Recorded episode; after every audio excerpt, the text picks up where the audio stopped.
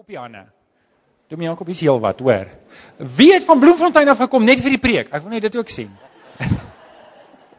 Ehm um, baie welkom is ek, ek wil ek wil julle amptelik voorstel. Ek weet Dominee Jakob, dit is nou amper 5 jaar terug wat Dominee gepreek het. En ehm um, hierdie is die man wat die meeste invloed op my lewe gehad het. Op my eie lewe 'n paar woorde wat Dominee Jakob gereeld vir my gesê het, is Johan, een van sy famous woorde aan my is jy moet jou huwelik oppas. As jou vrou jou fire, gaan die gemeente jou fire. So, ehm um, maar hy het baie beleef. My Domie Jakob is is die predikant van Bloemfontein Baptiste Kerk en uh, dit is 'n gemeente wat weekliks op amper 9000 mense invloed het op hulle database en is seker een van die grootste gemeentes, Afrikaanse gemeentes in ons land. Ehm um, en is die grootste Baptiste Kerk in die suidelike halfrond van die wêreld. Ons kan dit sê net hoe. maar ehm um, Domie Jakob is is ook 'n nederige man en dit wen baie respek. En hy's regtig lief vir die Here en Domie Jakob, is my groot voorreg om Domie vanoggend hier te hê en ek wil ook sommer net vir Domie gebed doen. Kom ons sê die ore bid ons saam. Here, wat 'n voorreg vir my om vanoggend vir Domie Jakob saam hier te hê. En Here, ek wil kom vra dat U met elkeen van ons sal kom praat. Deur Domie Jakob, hy's 'n instrument in U hand. En ons sien uit Here om te luister na U woord. Ons dankie en ons bid dit in Jesus naam. Amen. Baie dankie. Goeiemôre vriende. Goeiemôre. Dis aan die een kant vir my lekker om hier te wees, aan die ander kant is dit vir my glad nie lekker nie. Ek voel eintlik soos 'n cheetah op Nieuweland. Dis eintlik soos ek voel. En uh, ek het gister een of twee keer gewonder, kan die Here maar nie asseblief vir my help dat ek kan baie mooi praat sonder dat ek mooi praat nie en toe dink ek aan wat op Pofadder gebeur het. Op Pofadder was daar jare lank 'n predikant wat geso gepraat het elke oggend en toe kry hulle 'n vreeslike bekende predikant van 'n ander dorp af.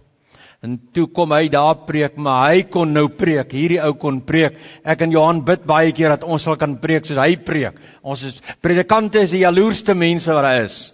Ons is jaloers op ander predikante se preke. En eh, nou kom al die mense die oggend soontoe. En die kerk is volle pofadder. En almal is daar en die mense wat een keer 'n jaar kerk toe kom is ook daar. En hy begin preek. En hy preek maar ouens, dit was net 3 minute. Toe luister almal. So ek wil ook vanmôre so preek soos hy preek. Dat die Here my help net 3 minute laat almal moet luister. En jy sien almal luister en almal hoor en almal sit regop en hy het sommer net 'n besondere gawe om almal se gedagtes vinnig gevange te neem en hy preek en hy preek en hier sit mense wat geweldig vasgenaal is aan die prediker wat kom van ver af. En hierso so die 4de, 5de ry van vooraf sit oom Stimmy. Maar oom Stimmy is oorweldig deur hierdie man hoe hy praat. En oom Stimmy sit so en hy sit so en luister en terwyl hy luister, haal hy sy pyp uit en hy kyk en hy steek sy pyp op en terwyl die dominee preek en hom stemie rook en die dominee preek en hom stemie rook en die dominee preek en hom stemie geniet dit en die dominee sien dit maar hy kyk hy ken hierdie goeters en hy kyk 'n ander pad. En die man hier agter hom raak so op sy senuwees hy lê vooroor en hy tik hom stemie so op die skouer om stemie sê hier's die vroetjies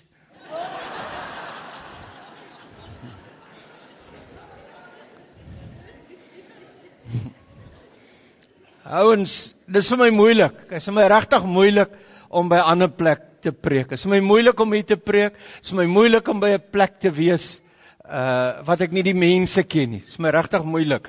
Maar eers gaan die Here vir my en jou bedien en eers moet jy probeer dat die Here uh vir jou help, dat die Heilige Gees vir jou help om te kyk wat is vir jou vanmôre en wat het die Here spesiaal vir jou. As ek nou kan dan sou ek gesê het die Nasareener vertel stories. Die Nasareener vertel stories. In Matteus staan daar geskrywe hy's genoem die Nasareener. Vertel stories. En ons is nou by Lukas 15. Ek preek nou al en praat nou al omtrent 30 jaar.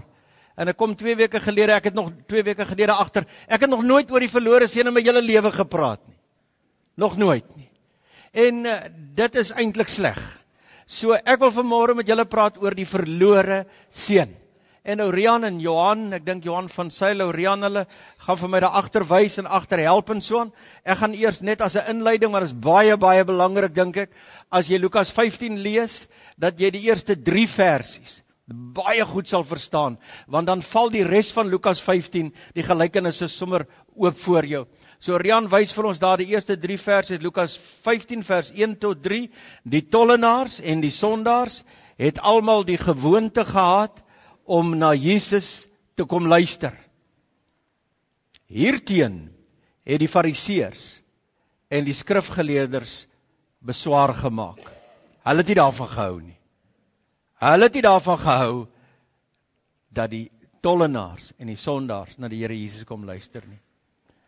En hulle het toe gesê: "Hierdie man in die Grieks is hierdie ontvang 'n sterk woord sodat hy wil iets beklemtoon. Hierdie man ontvang hulle. Hierdie man ontvang tollenaars en sondaars.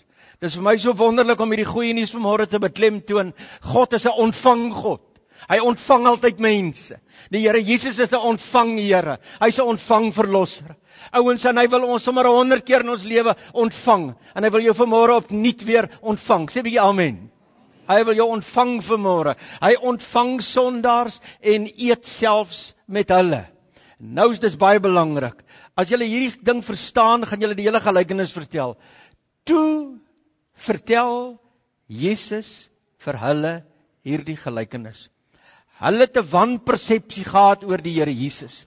Hulle het 'n wanpersepsie gehad oor God. Hulle wanpersepsie gehad oor God die Vader.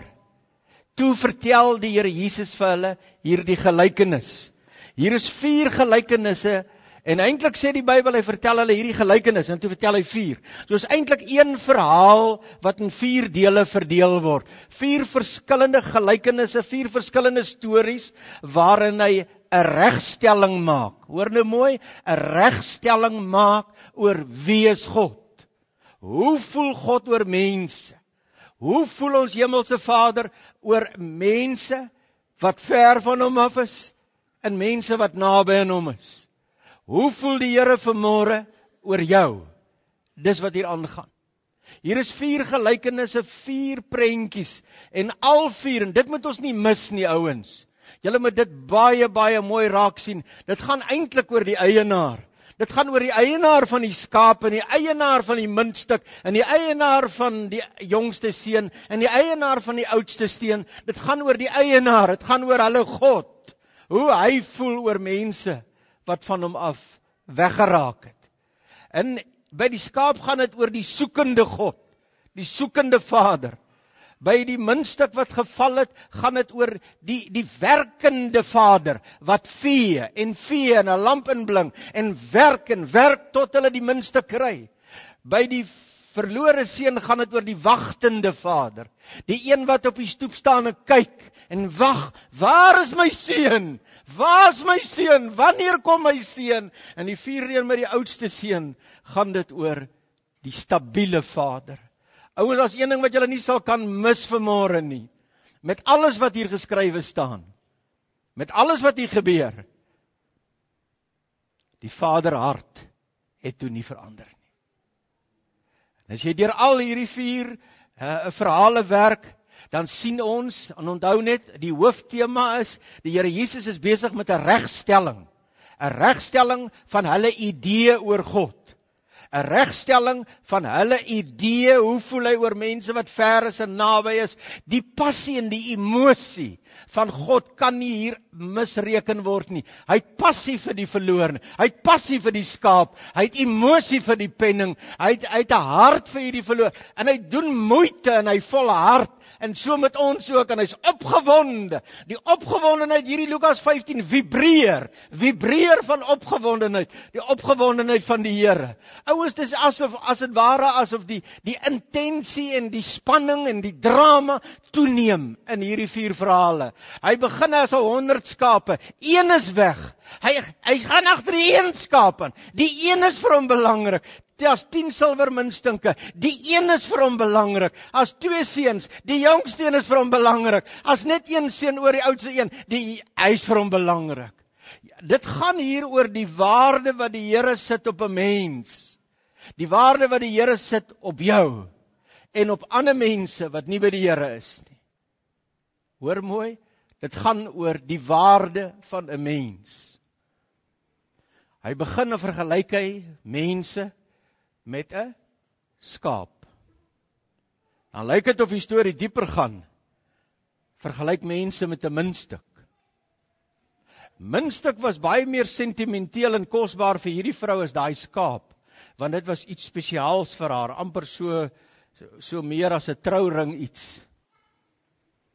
En dan van 'n skaap na 'n muntstuk, al hoe dieper na 'n mens. Na die jongste seun en dan na die oudste seun. Die oudste seun bring dalk die meeste hartseer en die meeste pyn vir hierdie vader want hy was die eersgeborene. En hierdie kultuur het die eersgeborene 'n geweldige rol gespeel. My doel vir môre. My doel in die volgende 20 minute ouens is om die Heilige Gees te vertrou dat jy 'n nuwe vars ontmoeting met die Here sal hê. En baie van julle wat hier sit is reeds kinders van die Here. Baie van julle wat hier sit is mooi saam met die Here op pad. En hier in hierdie verhaal kan ons dalk sien hoe moet ons nie weggaan van die Here af nie. Hoe moet ons nie weggaan van die Here af nie? En die wat weg is. Want baie keer laat ons toe sonder dat ons amper daaraan dink, laat ons toe dat iets tussen ons en die Here inskuif. En hoe kry ons die pad huis toe? Dit gaan in hierdie vier gelykenisse oor die hart van God, maar ook hoe kry ons ons pad huis toe? Waar's jy? Is jy in die huis? Hierdie verhaal wil vir jou vra, is jy in die huis? Die atmosfeer wat mens hier optel en Rian sal maar almekaar vir julle wys daar. Die atmosfeer wat ons hier optel is dat hierdie jongste seun in vers 11 veral in vers 12 was 'n baie egoïstiese eie ekkerige mens. Hy begin die verhaaltjie begin in vers 12. Hy 2 in 11 waar hy twee seuns gehad het. In vers 12 sê die een gee my. Hy sê gee my, gee my wat my toekom. En julle moenie vergeet nie die seer en die pyn van die vader lê vlak op die voorgrond. En ek wonder wat was die atmosfeer en die gesindheid en wat het alles hier gebeur en waaroor het hierdie mense gepraat en wat was in die aande die gesindheid van die pa en die ma en miskien ander kinders en die werkers en alsoon want ek dink nie hy het een keer gevra nie. Dit lyk in die Grieks asof hy 'n paar keer gevra het en aangedring het en aangehou het en geneul het en gesê het Here gee my, gee my. En hierdie man is op 'n verkeerde pad en ouens, as jy hierdie gesindheid het, is jy op 'n verkeerde pad met die Here. Dis vir my ongelooflik om te sien hoe dat 'n mens die Heilige Gees kan weerstaan. En baie mense sê jy kan nie die Heilige Gees weerstaan nie. Ouens, ek en jy weet 'n mens kan, want almal van ons het al die Heilige Gees 2 of 3 of 4 of 5 maal in ons lewens weerstaan. En hier hy weerstaan sy pa. Hy weerstaan die gevoelens van sy pa. Gee my. Gee my, ek wil hê wat my toe kom. En hier hierdie pa pak die goed in. Eintlik hier is baie tragies. Want weet jy weet julle wat sê hierdie jongste man? Hy sê eintlik pa, ek wil nie by pa wees nie. Ek wens eintlik pa was al dood. Ek wil nie eintlik hê pa moet hier wees nie. En sy pa pak sy goeders. En hy begin weggaan. So gaan 'n mens weg van die vaderhuis af. En dit is sodat daar baie mense is wat tot bekering kom, baie mense is wat kinders van die Here geword het, maar wat om een of ander rede net weggaan. En net ver weg is. En hy verlaat die ouer huis.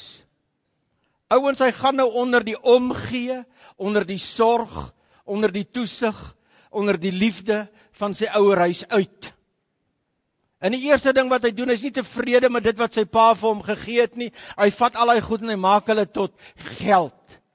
Een van die moeilikste dinge wat 'n mens moet weerstaan is ontevredenheid met die Here. Een van die ergste sondes wat die Ou Testament herhaaldelik noem, is wat die Ou Testament is wat die Israeliete gedoen het, is om te moan, om altyd te moan en altyd te moan. Dis grof op God as mens moan. Is grof op die Here ouens. En hier staan baie duidelik, hy het na 'n ver land gegaan. Hy het so ver as moontlik van sy pa weggegaan en hy kom daar waar daar niks meer oor is. Soos ek sê, daar's nie meer ehm um, sorg oor hom nie, daar's nie meer omgee nie. En hier verkoos hy alles sê die Bybel. So hy het ook nie eers meer finansiële raad gehad nie en hy begin losbandig te lewe en hy hy lewe wild. Hier waar hy eers gewees is, het hulle onder die wet gelewe in die Ou Testament en daar was reëls en regulasies. Hier is niks. Hier is hy hier raak hy losbandig. En hier val hy diep in die sonde en ek dink aan Romeine 6 vers 23 wat sê maar die sonde lei na die dood. Hoor nou wat ek vir jou sê en miskien wil ek dit vir Christene sê. Sonde. Sonde vat 'n mens dikwels 'n bietjie verder as wat jy wou gaan. Sonde hou mens dikwels 'n bietjie langer as wat jy wou gehou wees. En hy's daar en dinge gaan nie met hom lekker daar nie en sy geld raak klaar en terwyl hy daar is in die vreemde in sonder niemand sonder niks nie want lyk my sy vriende het ook verdwyn kom daar 'n hongersnood. En in ons almal se lewens kom daar een of ander tyd kom daar bilte. Ouens en as jy nie by die Vaderhuis is nie ek, en daar kom dan hongersnood, dan kom moeilikheid en dan kom dan is jy in die moeilikheid. As jy alleen is, is jy in die moeilikheid. Hierdie hierdie jong man is ver en hy's in die moeilikheid en hy begin gebrek ly. En daar gaan hy die Bybel sê daar in, in die nuwe vertaling hy sê hy het sommer by daardie mense gaan bly, sommer net. Hy dink nie mooi nie. Hy gaan bly sommer net. Hy maak sommer net 'n besluit en hy gaan bly by daai mense. Dis vir my so hartseer toe ek dink, nou sê hierdie mense vir hom waar hy moet gaan. Nou lei hulle hom. Die Here wil hom lei. Die Here wil jou lei. Jy moet baie baie ernstig oor jouself dink man. Jy het 'n rol om te speel in die omgewing waar jy is, in die familie waar jy is, in die kerk waar jy is. Jy kan nie sommer net lewe nie. Jy kan nie sommer net besluit nie, ouens. Daarin ek het nou die dag in in, in Genesis gelees, toe staan daar en die Here het vir Adam en Eva aangestel vir hulle gesê: "Bewerk en bewaak, bewerk en bewaak." En ek het 'n geweldige ervaring in my hart gekry oor ons rol, my en jou rol in die wêreld waar ek en jy lewe. Ons te verantwoordelikheid. Jy het 'n verantwoordelikheid waar jy lewe. En hy gaan by daai mense en hierdie man stuur hom plaas toe. Nie meer 'n Here nie, sommer 'n vreemde man. Hy werk by goddelose mense, werk by heiden mense. Hulle stuur hom plaas toe en hy gaan by die varke. Skande vir 'n Jood om varke op te pas. Eensaam alleen. Eensaam alleen. Dis hartseer hoeveel Christene het eensaam geword. Wat hierdie verhaal geweldig uitbring is die kosbaarheid van een persoon. Ek weet nie hoeveel is ons hier by mekaar nie, sê net maar amper 400. Erns hier is hier iemand vir wie ek bid dat die Heilige Gees sal deurbreek om vir jou te wys hoe ag God jou. Nou hierdie man sit nou daar in die vreemde. En nou gaan die Bybel verder en die Bybel wys vir ons hoe lyk die pad huis toe. Want hierdie jong man gaan nou nou opstaan. Al hierdie goeters wat nou daar gebeur het, al hierdie goed het nou 'n uh, 'n mooi einde. En dit gaan nou vir ons wys die Bybel wys vir ons wat is die einde van hierdie jong man? Want weet julle, hy sê twee keer in hierdie gelykenis sê hierdie jong man was dood en hy lewe. Hy was dood, maar hy lewe. Dit is 'n geweldige ding vir iemand om nie aan die Here te behoort nie. Dis nie niks nie. Jy's dood. Jy's dood as jy nie aan die Here behoort nie. Ek onthou ek het hier oor kan die berg oor kan dit Toyskloof het ek skool gegaan by die skool vir blindes. En ek onthou daar het ons daar gestaan. Eendag toe staan iemand daar saam met my. Toe gaan ek al ek dink toe se ek al uit die high skool uit. Toe staan ons daar en daar was sulke lang groot mure met 'n groot deur waar die kinders ingegaan het. En hy sê vir my, weet jy Jakob, as ons so kyk, dan sien jy so al teen daai muur sulke vingermerke soos die kinders so loop langs die muur. Dan soek hulle die deur. En aan daai kant weer lank, hoe die kinders kom ons so na die deur toe, dan loop hulle so tot hulle die deur kry, gaan hulle in. Miskien sit hier van julle wat vanmôre ook so voel voel, soek soek soos blinde kinders na die deur van die lewe. Dis Jesus. Dis Jesus. En ek bid dat jy die Here Jesus Christus vanmôre op 'n nuwe vars manier sal vind. Hy sê self vir ons, hy is die weg, die waarheid en die lewe. Hy is die weg. Christus Jesus is die weg. Hy is die deur. En nou wil ek iets sê wat ek miskien 3 maal wil herhaal vanmôre. Ouens, luister nou mooi, want ek gaan nou saam met julle praat oor die pad huis toe. Hoe kom 'n ou by die huis? En as jy vanmôre by die huis is, gaan ons nou beklemtoon, hoe bly ek by die huis? Hoe kan ek by die Here bly? Wat is die pad om te bly by die Here? Maar as ek weggedwaal het, miskien het ek nog nooit by die Here uitgekom nie. Maar hoe gaan jy terug huis toe? En hier is 'n belangrike ding. Ouens, ons ek en jy. Die Here het ons gemaak nie om op ons instink te lewe nie. Ons is nie beeste nie. Ons is nie hondjies nie. Ons is nie voëls nie. Ons is nie instink wesens nie. God die Vader het ons gemaak na sy beeld. Ons het persoonlike verantwoordelikheid. Ons is morele wesens. En jy moet besluit. Die Here het vir jou 'n 'n keuse gegee in die lewe en jy moet kies. Jy moet kies Joshua sê al, kies julle wie julle wil dien. Jy sien, jy moet kies vir môre. Jy moet vir môre weer vir die Here kies of jy moet die eerste maal vir die Here kies. En dis waaroor dit hier sal gaan. Hier staan in vers 17, dankie Rian, in vers 17 staan daar en hierdie man het in vers 17 het tot inkeer gekom. Hierdie jong man sit daar ver in die vreemde en hy kom tot inkeer. As ons kom by die oudste seun sal ons sien baie mense is naby aan die Vader wat hier die wat die wat uh, wat hier God die Vader simboliseer. Maar eintlik in sy hart is hy ver. Hy is nie naby 'n varkok nie, maar in sy hart is hy eintlik 'n varkok. Maar hierdie jong man daar diep in die verte kom hy tot inkeer. En daar diep in die verte staan in die ou vertaling amper mooier, staan daar en hy het tot homself gekom. Hy het tot homself gekom. Die Heilige Gees is besig om kragtig in sy lewe te werk.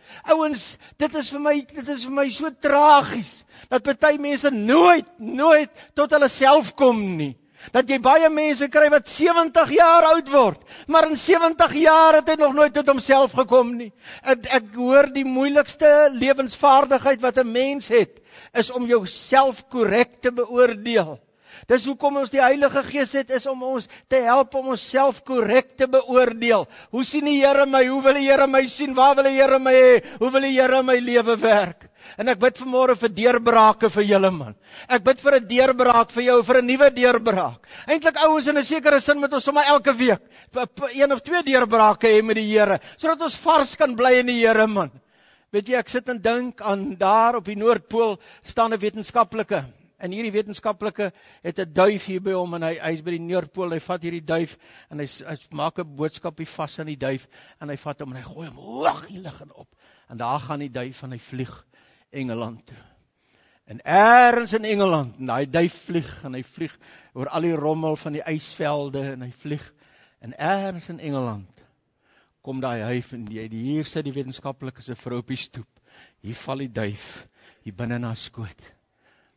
En sy tel op as hy die boodskap sê ek is veilig. Ag ek bid dat God se duif sal ingang vind by jou vanmôre op 'n nuwe manier en dat jy die veiligheid van in Christus in Jesus sal ervaar. Dat jy dit sal ervaar vanmôre. En hy het tot homself gekom. Hy sit daarso en hy sê luister hier sit ek. Ek vergaan. Ek vergaan. Sy diepste behoefte kon nie meer bevredig word nie en dit was om te eet. En daar's min dinge wat vir 'n mens so traumaties is as jy eens op 'n tyd die die die die die die genade en die diepte van God ervaar het, maar jy val terug van dit. Dit voel vir 'n mens amper asof jy wil vergaan. En hierdie jong man begin dink en die Heilige Gees is nog steeds besig om kragtig in sy lewe te werk en hy begin te dink maar daar by die huis. Daar het my pa klomp mense wat vir hom werk en dagloners. En hy besef daar's iets beters. Ouers ons almal moet van tyd tot tyd, weet julle ek dink aan Kolossense 2 vers 8 wat sê, julle moet julle nie steur aan al die teorieë en die filosofieë van die wêreld nie, want dit trek jou weg van Jesus af.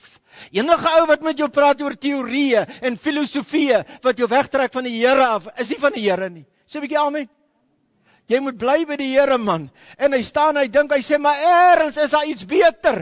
Die Heilige Gees oortuig hom maar eers is daar iets beter. Ek was gewoond aan beter. En ek dink nou sommer aan Johannes 10 vers 10 wat die Here Jesus sê, ek het gekom om vir julle die lewe te bring, die lewe in oorvloed. En hy sê ek vergaan en ek sal dadelik opstaan. Hier kom ontwikkel nou 'n gloed in hierdie jong man se hart. Hy begin nou besluit, jy sien, as jy 'n pad saam met die Here wil stap vanmôre nog meer as ooit van tevore, dan moet jy besluit man.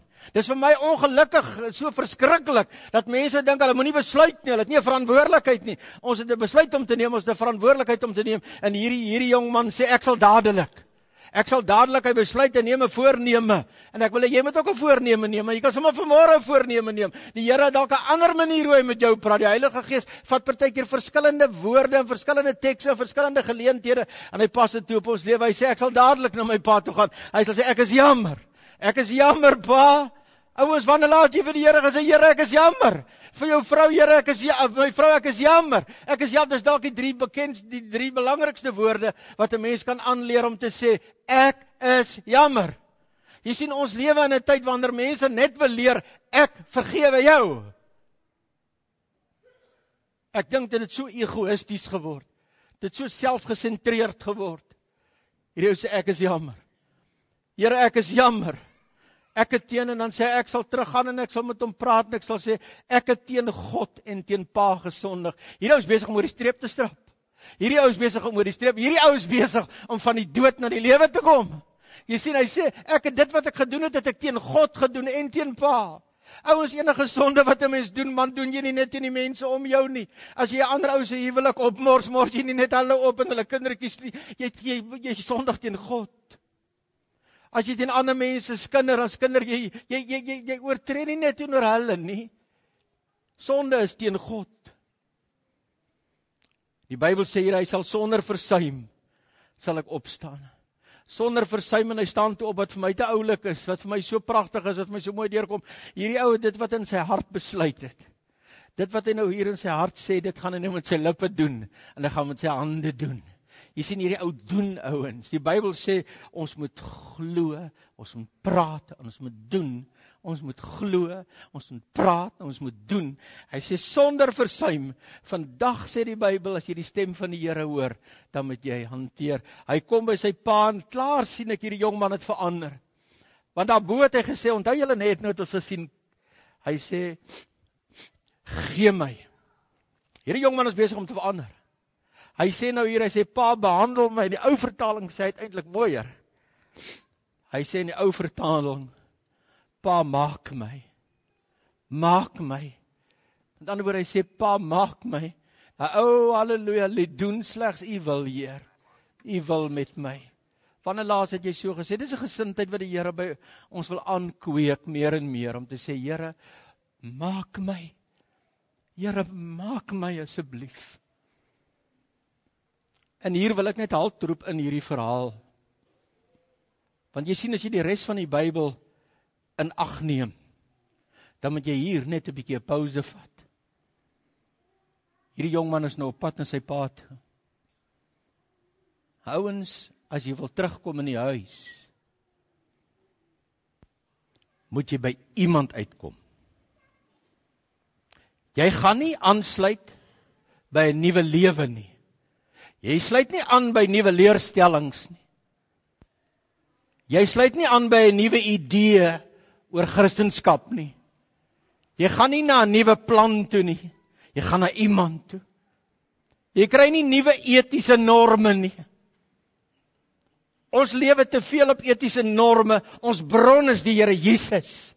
Die lewe is in Jesus. Sê 'n bietjie amen is in die Here Jesus ouens uit hom uitvloei alles voort. En en nou voordat hy voordat hy eintlik by God kan uitkom met alle respek luister nou mooi voor jy by God kan uitkom moet jy by Jesus uitkom.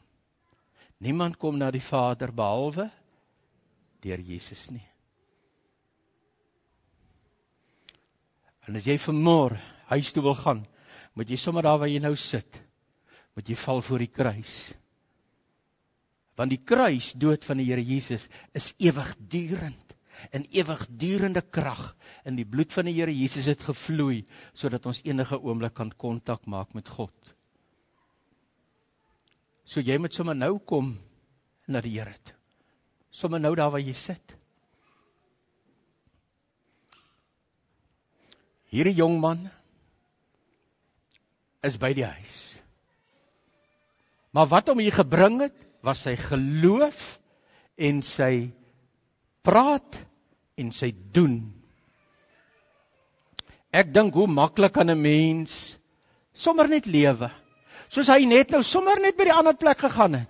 Hoe maklik kan 'n mens sommer net kerk toe gaan, sommer net oukei wees en sommer maar net ver van die Here af wees. Snaakse dinge gebeur met mense in 'n mens se lewe en 'n mens weet nie altyd hoe jy die goed wil verwerk nie en hoe jy die goed wil dink nie. Ek onthou toe ek hier oorkant op Woester by die skool vir blindes was, was daar 'n jong seentjie. Ek was toe omtrent 16, 17 jaar oud. Hy was 'n seentjie van so 14 jaar, 'n maar ou tingerige seentjie. En hierdie seentjie was 'n Pinkster seentjie. En baie van die Pinkster ouens doen die dinge mos bietjie anders. En hy het altyd sommer oral ter gebid. Vir ons was dit nie normaal nie. Mens bid nie oral nie. En ek onthou James Coxon altyd gebid het. En hy het ons irriteer. En hy die onderwysers irriteer. En ek onthou hoe James Coxon by sy klein bedjie gekniel in daai wat noem mense 'n dormitory wat so 10, 12 kinders in slaap, groot slaapsaal tipe ding hoe James Coxon by sy bedjie gekniel het. Hardop bid hierdie seentjie. Kom die kos sy se maar by hom. Coxon hou op met bid. Coxon hou jou bek. Hy hou net aan met bid. Skop sy hom onderste bo. Terwyl hy lê bly hy net bid. Hy sien ouens. James Coxon was eintlik normaal. Meer normaal as daai vrou meer normaal. Ouens soek nie 'n balans in jou Christelike lewe nie. Soek nie 'n balans in jou Christelike lewe nie. Soek toewyding aan die Here. Sê 'n bietjie amen man. Soek algehele oorgawe aan die Here Jesus Christus. Weet jy vir my, vir my, daar's niks wat my hart so roer soos Jesus van Nasaret nie. Vir my, daar's niks wat soveel lig in my siel bring soos die Here Jesus nie. Vir my, daar's niks wat soveel geloof wek soos die Here Jesus nie. Wat soveel nuwe oorgawe wek, so nuwe varsheid wek soos die Here Jesus nie. En wat die wonderlike is, nou gaan ons verder. Nou kom ons eintlik by die klimaks van hierdie verhaal, ouens. Nou kom ons eintlik by die beste van hierdie verhaal. Nou staan daar geskrywe en ons is nou hier om dankie Rian, baie dankie. Hy's op pad terug na sy pa toe, toe hy nog ver was. Het sy pa hom gesien. Hy's nog ver. Hoor jy sy pa het vir hom gewag, man. Hy het vir hom gewag die hele tyd. Miskien wag die Here vir party van julle al 5 jaar. Miskien wag die Here al vir jou vir lang tyd man, maar hy het nog nooit gekom nie, maar hy's 'n wagtende God en hy wag vanmôre vir elkeen van ons. Jy sien, en hy sê en sy pa het hom gesien man. Al alles daar vanmôre net 'n klein vonkie by jou. God sien die vonkie by jou. God sien wat jy bedink en en hier staan hy het hom innig jammer gekry. Ouens, die Here kry vir ons jammer want sonde het ons hart geslaan. Sonde het ons verkrummel. Maar God wil ons hê. Hy wil ons hê soos ons is. Hy wil ons verander. Hy wil ons seën. Hy wil wil, wil jy vanmôre die hand van die Here op jou hê. Doen iets man. En hier staan geskrywe in die Vader, wat 'n beeld. Wat 'n beeld van wat 'n God. Hy sien hom ver aankom. Hy kry hom innig jammer. Wie julle wat staan net voor ek aangaan. Wie julle wat staan in Hebreërs 2 vers 11. Die Here Jesus skaam hom nie om ons sy broers te noem nie. Waar's jy in jou geestelike lewe? Ek weet nie. Maar ek wil net vir jou sê, die Here Jesus skaam hom nie vir jou nie. Hy wil net hê jy moet terugkom. Hebreërs 11 vers 16 sê God skaam hom nie om ons God te wees nie. God skaam hom nie om ons God te wees nie. Hierdie ou vader hardloop hom tegemoet. Hy hardloop hom tegemoet vir my, vir my. Baie mense sê kyk hier hoe se vernedering hier. Vir my is dit eintlik hier lê sy grootheid. Hier lê sy wonderlikheid. Hier lê die grootheid van die Here ouens. Die Vader, hy hardloop en ons sien die Vader se nederigheid. Het jy al gehoor van God die Vader se nederigheid? Hier sien jy dit. Onthou julle wat ek in die begin gesê het? Hier is regstellings oor God. Hy omhels hom en hy soen hom. Ja. Efesiërs sê God, hoor nou mooi. Het dit maklik gemaak sodat ons kinders van die Here kan word. Dis maklik. Jy, jy lê jou hande op die Here Jesus. Dis maklik om 'n kind van die Here te word. Dis nie maklik om 'n kind van die Here te bly nie. Maar is maklik om 'n kind van die Here te word. As jy nog nie geword het nie, moet jy vanmôre kom man. Jesus het alles gedoen wat nodig is.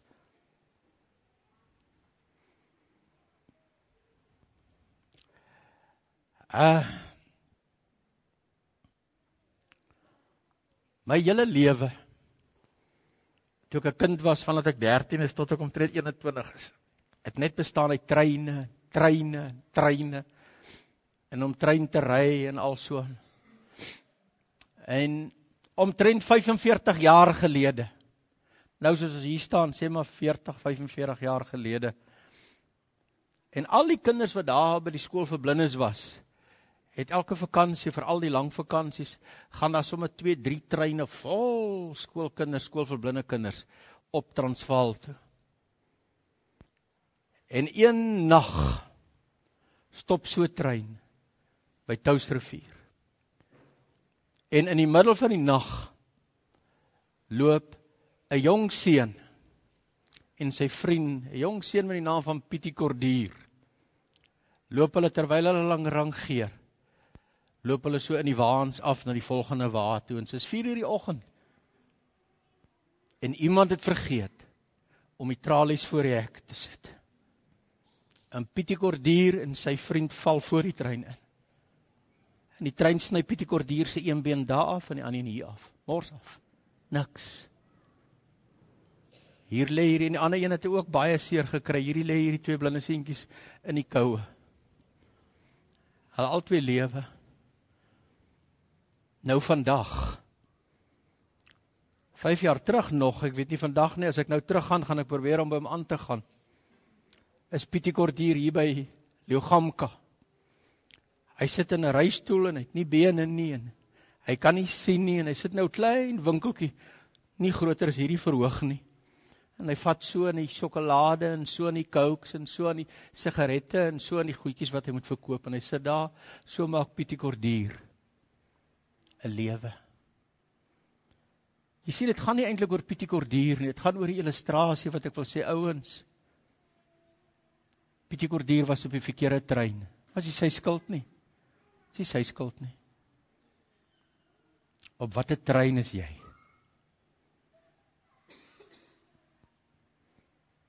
Op watter trein is jy? Ek dink aan al die dae toe ek trein gery het, het ons so van die platform af ons in die trein wil ingaan, dan moet ons uit die van die platform af optrap na die trein toe. Ons moet inklim. Die trein is oop vir ons almal, maar jy moet inklim. Ek sê vanmôre Jesus. Wys my daai trein wat op staan Jesus. Renier Jesus is God se trein. En ek wil so graag saam met die Here vir jou oortuig en motiveer om nog soos nooit van tevore op die trein te klim. Met jou hele wese. God se trein is veilig. Is nie soos daai trein nie. God se trein is veilig. Ons hoor altyd ons moet sê nooi Jesus in jou lewe in. Maar ek wil vanmôre vir jou motiveer om te sê, hoekom klim jy nie slag in hom in nie? Klim in Christus Jesus in.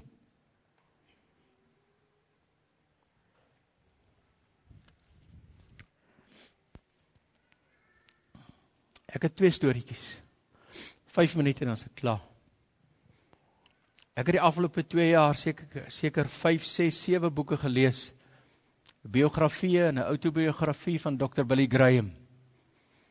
Ek dink Dr. Billy Graham in die vorige eeu is die enkele man wat die Here gehelp het om meer te doen vir Christendom as enige ander man in die wêreld. En was my geweldige ervaring, maar die groot ding wat ek gesien het in Dr. Billy Graham se lewe is dit. Hy het 'n vriend gehad met die naam van Dr. Chuck Templeton. En Chuck Templeton was baie slimmer as Billy Graham. Chuck Templeton was baie meer begaafd as Billy Graham. Chuck Templeton kon baie beter preek as Billy Graham. Hy was 'n uitstaande man. En hulle het eers vir Youth for Christ gewerk vir jare met sulke crusades en goeders wat hulle gehou het. En op 'n stadium het Chuck Templeton geweldig die Bybel begin bevraagteken en gesê dis nie die woord van God nie, maar hulle preek Jesus. Hulle preek Jesus, jy sien. En Chuck Templeton op die ou en het gesê nee, hy kan nie meer so aangaan nie. Hy het gesê Billy, you are committing suicide with the, these thoughts of you. I'm going. En hy's terug Kanada toe. En hy was 'n begaafde man. Hy het ook toe 'n mediese graad verwerf. En hy daar gaan bly en alles wat wat sy hande aangevat het, Chuck Templeton, het tot goud verander. Geweldig sukses gemaak, Chuck Chuck Templeton. Ek het julle gesê hy was slimmer as Billy Graham. Hy kon beter preek as Billy Graham. Alles beter. En ek lees toe Chuck Templeton 80 jaar oud was. Toe kom die koerant en hulle onderhoud hom. Miskien sit jy vanmôre waar Chuck Templeton toe gesit het. En die joernalis vra vir Chuck Templeton, "Sir, and now after all these years, after 50 years, what do you now say about the Bible, sir?" Chuck Templeton, ou oh man, hy kyk net so op, hy sê, "I still struggle to trust in the Bible." En die joernalis sê, "And Jesus, sir?" Hy sê I miss him. I miss him so much. Mis jy Jesus?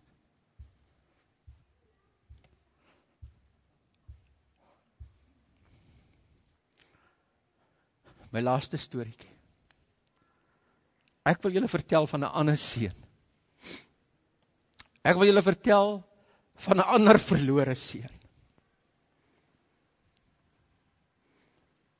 Hy was ook in die Vaderhuis. Hy was ook onder aanvaarding. Hy was ook onder sorg. Hy was ook onder omgee. Hy was ook by veiligheid. Sy naam is Jesus. En toe stuur sy vader hom na 'n ver land toe. Met 'n taak, met 'n werk om te gaan doen. En Jesus het van daardie ander wêreld het hy gekom na hierdie wêreld. En hy het kom lewe in hierdie wêreld op hierdie aarde, het hy kom lewe as dit ware by die varkhok kom lewe. En hier het hy die mense geïrriteer. En hier het die mense hom wou hom nie gehaat het nie. Hulle het hom trouens gehaat.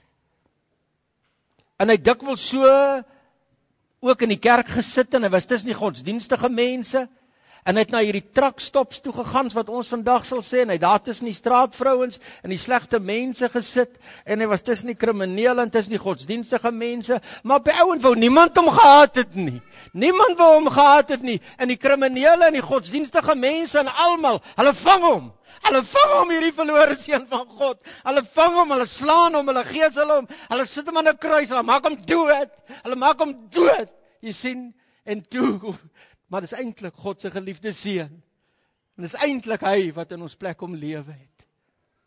Dis eintlik hy wat in ons plek gesterf het. Dis eintlik hy wat in jou plek gesterf het.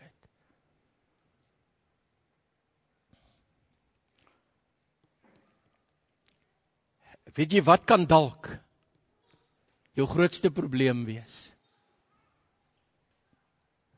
Dat jy dink jy het nie God lief genoeg nie. Dis nie jou probleem nie. Jy weet nie hoe God jou lief nie. Jy dink jou liefde is nie groot genoeg vir die Vader nie. Dis nie jou probleem nie. Jou probleem is jy weet nie hoe groot die Vader se liefde vir jou is nie. Ons het 'n ou haleluja lied gesing. Daar's 'n dierbare kruis waar sy liefde bewys. Ouens, wat sê die Here vanmôre vir jou? Hier is so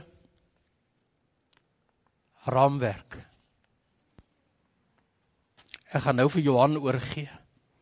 Maak nie saak wat jou besluit is vanmôre nie. maar jy moet dit ook sonder versuim doen en dadelik doen en en jy's 'n mens, jy het 'n persoonlike verantwoordelikheid. Dit lyk vir my hierdie ding is so geperforeer. Skeer jy hom af of vul jy hom in? En as jy uitgaan, is gooi hom agter in die deur en jy sê Johan, die Here het met my gepraat. Bel my. Kom bid saam met my. Kom bid saam met my eh, Johan asseblief. En dit gaan nie daaroor ouens dat dat dit of dat dit gaan net daaroor man dat daar 'n loslating van die teenwoordigheid van die Here Jesus Christus in jou lewe kan wees.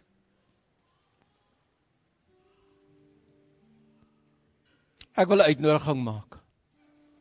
Ek wil 'n uitnodiging maak. Dankie Kevin. Baie dankie. Dit is vir my wonderlik. Die van julle wat vanmôre sê in my eie situasie en my eie lewenswêreld het die Here vir my 'n woord gegee. Die Heilige Gees het 'n gedagte op my hart gesê en ek wil hierdie ding verder vat saam met die Here. Ek wil sê die van julle wat weet die Here het met jou gepraat, jy nie staan nie, ek wil vir jou bid. Staan net daar waar jy is, die wat wil staan.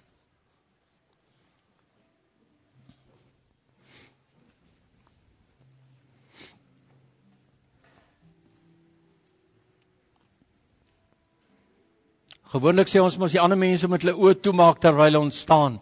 Maar ek wil vanmôre sê man jy staan dat jy dink almal kyk. Maar ek wil staan.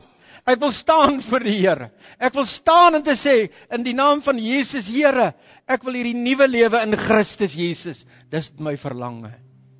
Almal wat wil staan, staan net so in julle plek en ek gee vir Johan dat hy vir ons bid en vir ons die diens afsluit.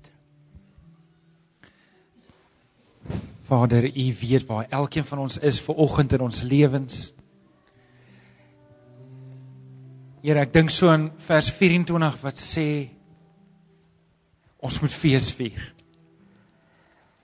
My kind was dood, maar hy lewe weer. My kind was dood, maar hy hy teruggekom. En Here, U weet wie van ons is ver oggend hier en is dood, maar sy teruggekom vandag huis toe. Ek kom vra Here dat U hierdie werk in ons harte sal kom vasmaak. Here dat ons nie sal vra maar hoe lief het ek U nie, maar dat ek sal bewus wees van hoe lief het U ons. En Here dat ons styf vashou aan U, Here. En nie sal teruggaan na die varke toe nie. Here dat ons sal toelaat dat U vir ons die nuwe kleed aantrek en die nuwe ring en die nuwe skoene. Here en saam met U die feesmaal vier.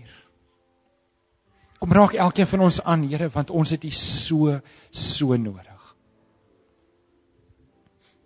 Ons bid dit in Jesus naam. Amen.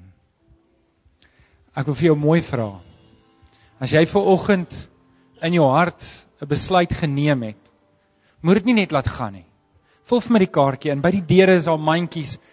Agter by die infotafel is daar 'n posbus. Gooi daai kaartjie vir my en ek wil graag vir jou bel. Ek wil graag met jou kontak maak. Hier is 'n nuwe lewe in die Here. Ons maak dit vas. Amen. Amen. Kom ons staan.